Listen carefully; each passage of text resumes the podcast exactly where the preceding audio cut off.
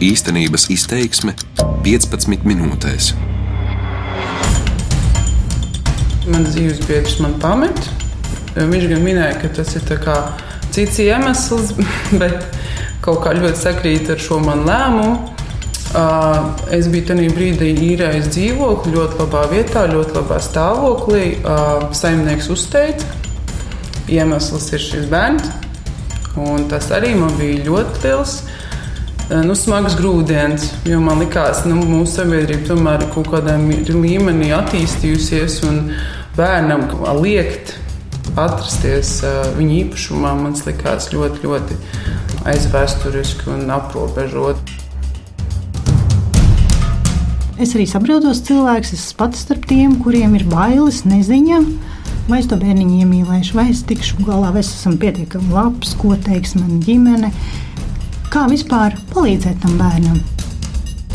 Latvijas radio turpina stāstīt par labdarības maratonā dod pieci savākto ziedojumu izlietojuma mērķiem, un trīs īstenības izteiksmes raidījumos runājam arī par divām dažādām pieredzēm, ar ko saskārušās ģimenes, kas vēlējušās uzņemties rūpes par kādu bērnu nama bērnu. Atklāti runāt par piedzīvoto un pārdzīvoto piekritusi fizioterapeite Linda, kurai aizbildniecības ideju neizdevās īstenot, un Elīna, kas jau vairākus mēnešus ir auģu mamma divus gadus vecam puikam. Iepriekšējā raidījumā vairāk analizēju, cik grūti ir uzsākt dokumentu kārtošanas procesu un ar kādu pretestību nereti nākas saskarties. Pretestību sākot ar bērnu namu, beidzot ar bāriņtiesām. Kāda praktiskā informācija trūkst? Turpinot iesākto, šīs dienas ieraksts būs vairāk par emocionālajām un psiholoģiskajām grūtībām, ar kurām saskaras cilvēki, kas apsver domu uzņemt savās mājās kādu no bērnu namu bērniem. Kā arī pētīšu, kādi aizspriedumi valda Latvijas sabiedrībā. Mans vārds ir Vita Anstrate. Mans dzīves biedrs man pamet.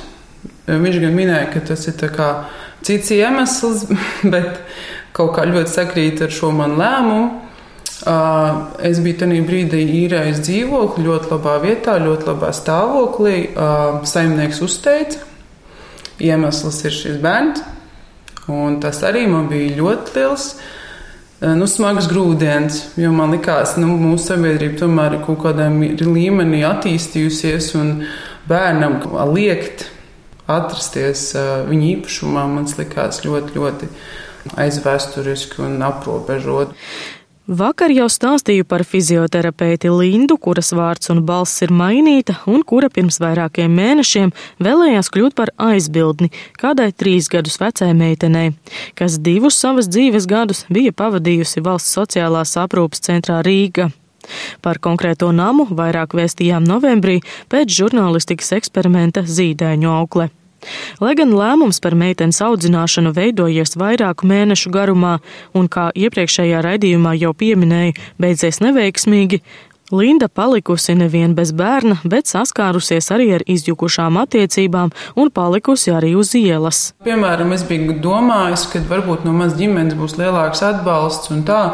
Bet ir, bija absolūts noliegums, kā, nu, kad, kad tu, tu nevienu vīru neatradīsi, un kurš tev ar tādu bērnu gribēs. Un, un tas ir tas, kas patiesībā valda arī sabiedrībā. Cilvēkiem, kas ir kā, varbūt tomēr uh, vēlētos kaut ko tādu darīt, viņi saņem maz atbalstu un viņi saņem maz informācijas. Arī Elīnai Bataragai no Jēkabils, kurai kopā ar vīru par auģu ģimeni kļūt izdevās salīdzinoši ātri, nācies uz savas ādas izjust to, ka paši tuvākie ģimenes locekļi par šo lēmumu kļūt par auģu vecākiem bērnu namā mītošam puikam nesot bijuši priecīgi. Vairāk kārt laulātie šī lēmuma īstenošanu pārcēluši uz tālāku nākotni. Šīs gads gan iesācies ar apņemšanos, darām to tagad. Nu, pēc ilgām pārunām mēs vienkārši sapratām, ka mums nav jēgas gaidīt kaut kādu tur tālāko vecumu, 40, 50 gadi, ka mēs īstenībā varam tagad. Protams, mums ir bijuši jautājumi, vai jūs nevarat paši tikt pie bērniem, ja, vai kam jums to vajag, tiekat galā ar savu ģimeni un, ar, un dzemdējiet savus bērnus, kur jūs vispār lienat. Bet uh, tad, kad tu esi izlēmis par kaut ko, tas, kas mums bija skaidri un gaiši saprotams, mums nekad mūžā neviens nevarētu ietekmēt mūsu viedokli. Tāpēc, ka mēs izlēmām, mēs izdomājām, un tā nebija kaut kāda mirklīga iegriba. Ja? Tas bija tas, kas veidojās reāli visu mūsu dzīvi, kas ir nonācis līdz šim punktam un šim brīdim. Lielai daļai cilvēku, ko esmu intervējusi sistēmas bērnu raidījumos, šādi lēmumi veidojušies gadiem ilgi. Liela daļa atzīst, ka pašiem bijusi ne tā laimīgākā bērnība vai pietrūkuši vecāki. Palīdzot šiem bērniem, viņi dziedē arī sevi. Daļai, kā fizioterapeitei Lindai, šie lēmumi ir pēkšņi un negaidīti, vēl citiem tā ir misijas apziņa vai dzīvesveids, tāpat kā Elīnai. Tomēr nereti no valsts un atbildīgajām amatpersonām izskanējis, ka būt par auģu ģimeni tas ir darbs. Par bērnu auģu ģimenēm patiesi maksā katru mēnesi, un no nākamā gada sola arī sociālās garantijas. Lielai daļai mazuļu, iznākot no bērnu nama, ir smagas veselības problēmas, pat diagnozes un vajag daudz uzmanības. Vēl sabiedrībā pastāv arī tādi aizspriedumi, ka auģu ģimenes ar bērnu audzināšanu nodarbojas tikai naudas dēļ, vai auģu ģimenes nevar strādāt, jo tās ir darba devējiem neizdevīgas, stāsta dod pieci vēstnese Evita Pūriņa.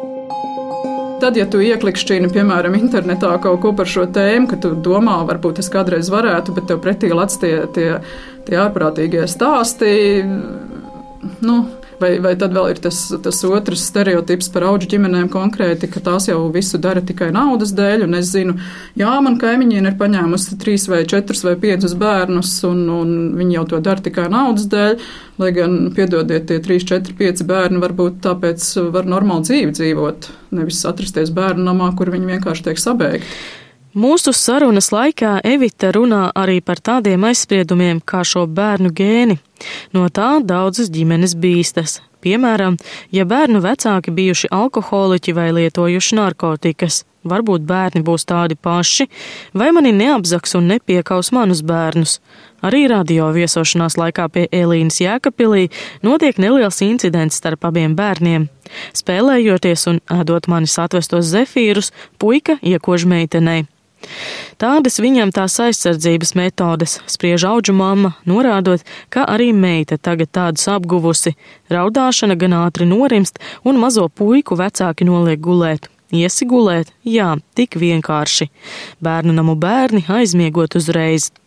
Redzot to, cik šķietami atšķirīgi ir abi bērni, cik atvērta ir trīsgadīgā meitene un cik piesardzīgi uz mani raugās no bērnu nama nākušais zēns, kā arī raugoties, kā abi bērni mēģina sadalīt vecāku uzmanību, man rodas jautājums. Bet jūs paši meitini kā pieņēma, kad ir otrs?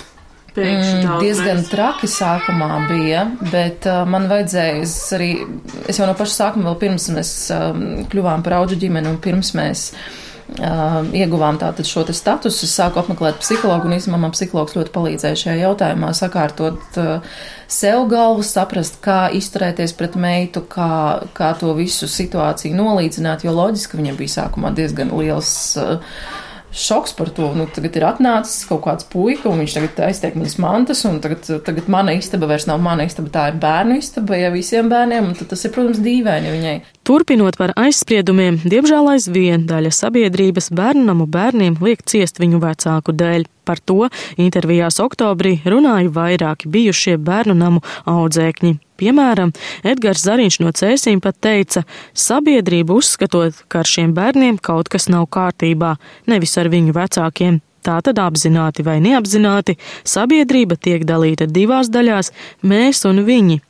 Kā arī stereotipiski ar pašas auģu ģimenes, arī aizbildņus, un pašai Elīnai nācies atbildēt uz jautājumiem, vai maza auģu ģimenes pienākumi ir savietojami ar pilna laika darbu, Stāsti ir dažādi.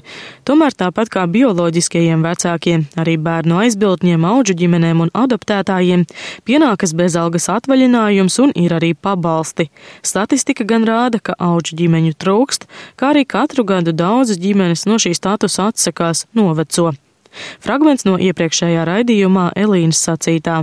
Un, uh, un nav jau kas to dara. Tāpēc, un, un, jo tiešām daudz aizspriedumu. Cilvēkiem arī liekas, ka tas ir tāds, apmēram, nu nav ko darīt. 50, 60 gados nav ko darīt, tāpēc mēs paņemsim bērnus. Tam tā nav jābūt. Tas var būt vienkārši viens bērns, kuru tu vari paņemt arī 30 gadu vecumā un audzināt. Kāpēc nē? Ja tev ir vēlme dzīvot, tur, es nezinu, ceļot un, un, un dzīvot pilnvērtīgu dzīvi, tad tev neviens bērns to netraucēs. Valsts amatpersonu viedokli par auģu ģimeņu un adoptētāju vidējo vecumu jau dzirdējāt iepriekšējā raidījumā. Labklājības ministrija stāsta, ka 35 līdz 45 gadu vecumā ģimenes saprot, ka savu bērnu nevar būt, tāpēc vēlas adoptēt. Auģu ģimenēm esot tukšās līgzdas sindroms, kad savi bērni izaudzināti un ir vēlme parūpēties par vēl kādu. Šos stereotipus izplata arī pašvaldības. Rīgas domas informatīvais portāls potenciālās auģu ģimenes aizbildņus un adaptētājs uzrunā šādiem vārdiem - citēju. Izbaudīt mātes laimi nevar visi. Reizēm dzīvē iekārtojas tā, ka vientuļa sieviete vai bezbērnu māte vēlas dalīties siltumā ar nelabvēlīgā situācijā nonākušiem bērniem. Citāta beigas. Jāsacina, ka arī pašvaldībās auģu ģimenes un aizbildņus, kā arī adaptētājus saredz kā vientuļas vai neauglīgas sievietes. Apmēram raksta vidū tiek piebilsts, ka vispār par auģu ģimeni var kļūt arī laulātie, ne tikai viena persona. Dod pieci šī gada vēstnese Evita Puriņa atkal un atkal atkārto, ka jaunas ģimenes līdz šim vienkārši ir nepietiekami uzrunātas vai arī uzrunātas šādā šķietami dīvainā veidā. Ģimenes daudzas pašvaldības nemaz nemeklē, bet tām pašām jāmeklē ceļš pie bērniem. Es nepiekrītu argumentam, ka nu, tagad uh, šie cilvēki ir uh, darba godam padarījuši, bet jaunas mēs vietā nevaram atrast. Es domāju, ka ir jāmeklē veidi, kā kā uzrunāt arī cilvēkus, kas ir, tie nebūs 20 gadnieki, bet, bet cilvēki ar saviem bērniem, ar, ar, ar tādu pietiekami lielu uzņēmību un eh, spēku, viņiem, nu, kuri, kuri spēj to fiziski arī darīt. Es domāju, ka tādas ģimenes Latvijā ir ļoti daudz. Turklāt Evita pamanījusi, ka tad, kad pati draugiem un paziņām atklājusi savu auģu mammas pieredzi, daļai sekojusi neizpratne, pat noliegums, tomēr teju ikvienā cilvēkā vēlāk varot sataustīt vēlmi to pamēģināt, palīdzēt. Ir kaut kas pietrūcis, viņi nezina, viņi nezina atšķirības starp tām formām, viņi nezina, ka viņi var aiziet īstenībā uz bāriņtiesu. Un uh, ka viņi var kļūt par aizbildni, piemēram, pat ne par auģu ģimeni, bet par aizbildni jebkuram bērnam, svešam bērnam, uh, Viņi nezina, kā to izdarīt. Varbūt tas nemaz nav tik sarežģīti. Un, un, un ļoti daudz ir darāms tās informācijas. Viņi nezina atšķirības starp formām, piemēram, adoptēt. Tāpat neskaitāmos iepriekšējos radio ierakstos stāstīts par ģimeņu pieredzi, runājot ar bāriņtiesas un atbildīgās ministrijas ierēģiem. Kāda aizbildne radio kādu laiku atpakaļ rakstīja, ka pēc bāriņtiesas vizītes zudusi vēlme adoptēt vairākām viņai zināmām ģimenēm. Negatīva esot tā attieksme. Ministrijā ienākot sūdzības par bāriņtiesu darbinieku attieksmi un profesionalitāti, un tāpēc viņus apmācīšot. Vienlaikus reizēm skarbie bāriņtiesu jautājumi, kā piemēram, vai jūs saprotat, ko uzņematies, vai jūs to varēsiet, un citi esot pareizi, tikai jādomā, kā tos pareizi pajautāt, spriež ministrijas pārstāve Baiba Stankēviča. Ģimeņu atbalsta programma Plecs, kas labdarības akcijā dod pieci, šogad top kopā ar Ziedot LV, jau nākamgad iedrošinās ģimenes, kas par bērnu namu bērnu uzņemšanu domā, taču līdz šim nav spējušas pārkāpt pāri psiholoģiskajām grūtībām un nav spējušas rast atbildes uz daudziem jautājumiem. Tāpat palīdzība pienāksies ģimenēm, kas jau uzsākušas šo ceļu, vai bērns jau atrodas ģimenē. Plecs savu darbību turpinās tik ilgi, līdz visiem Latvijas bērniem tiks atrastas ģimenes. Atbalsta personas uzklausīs brīžos, kad ir grūti, jo tādi noteikti būs, zina sacīt abas auģu mammas.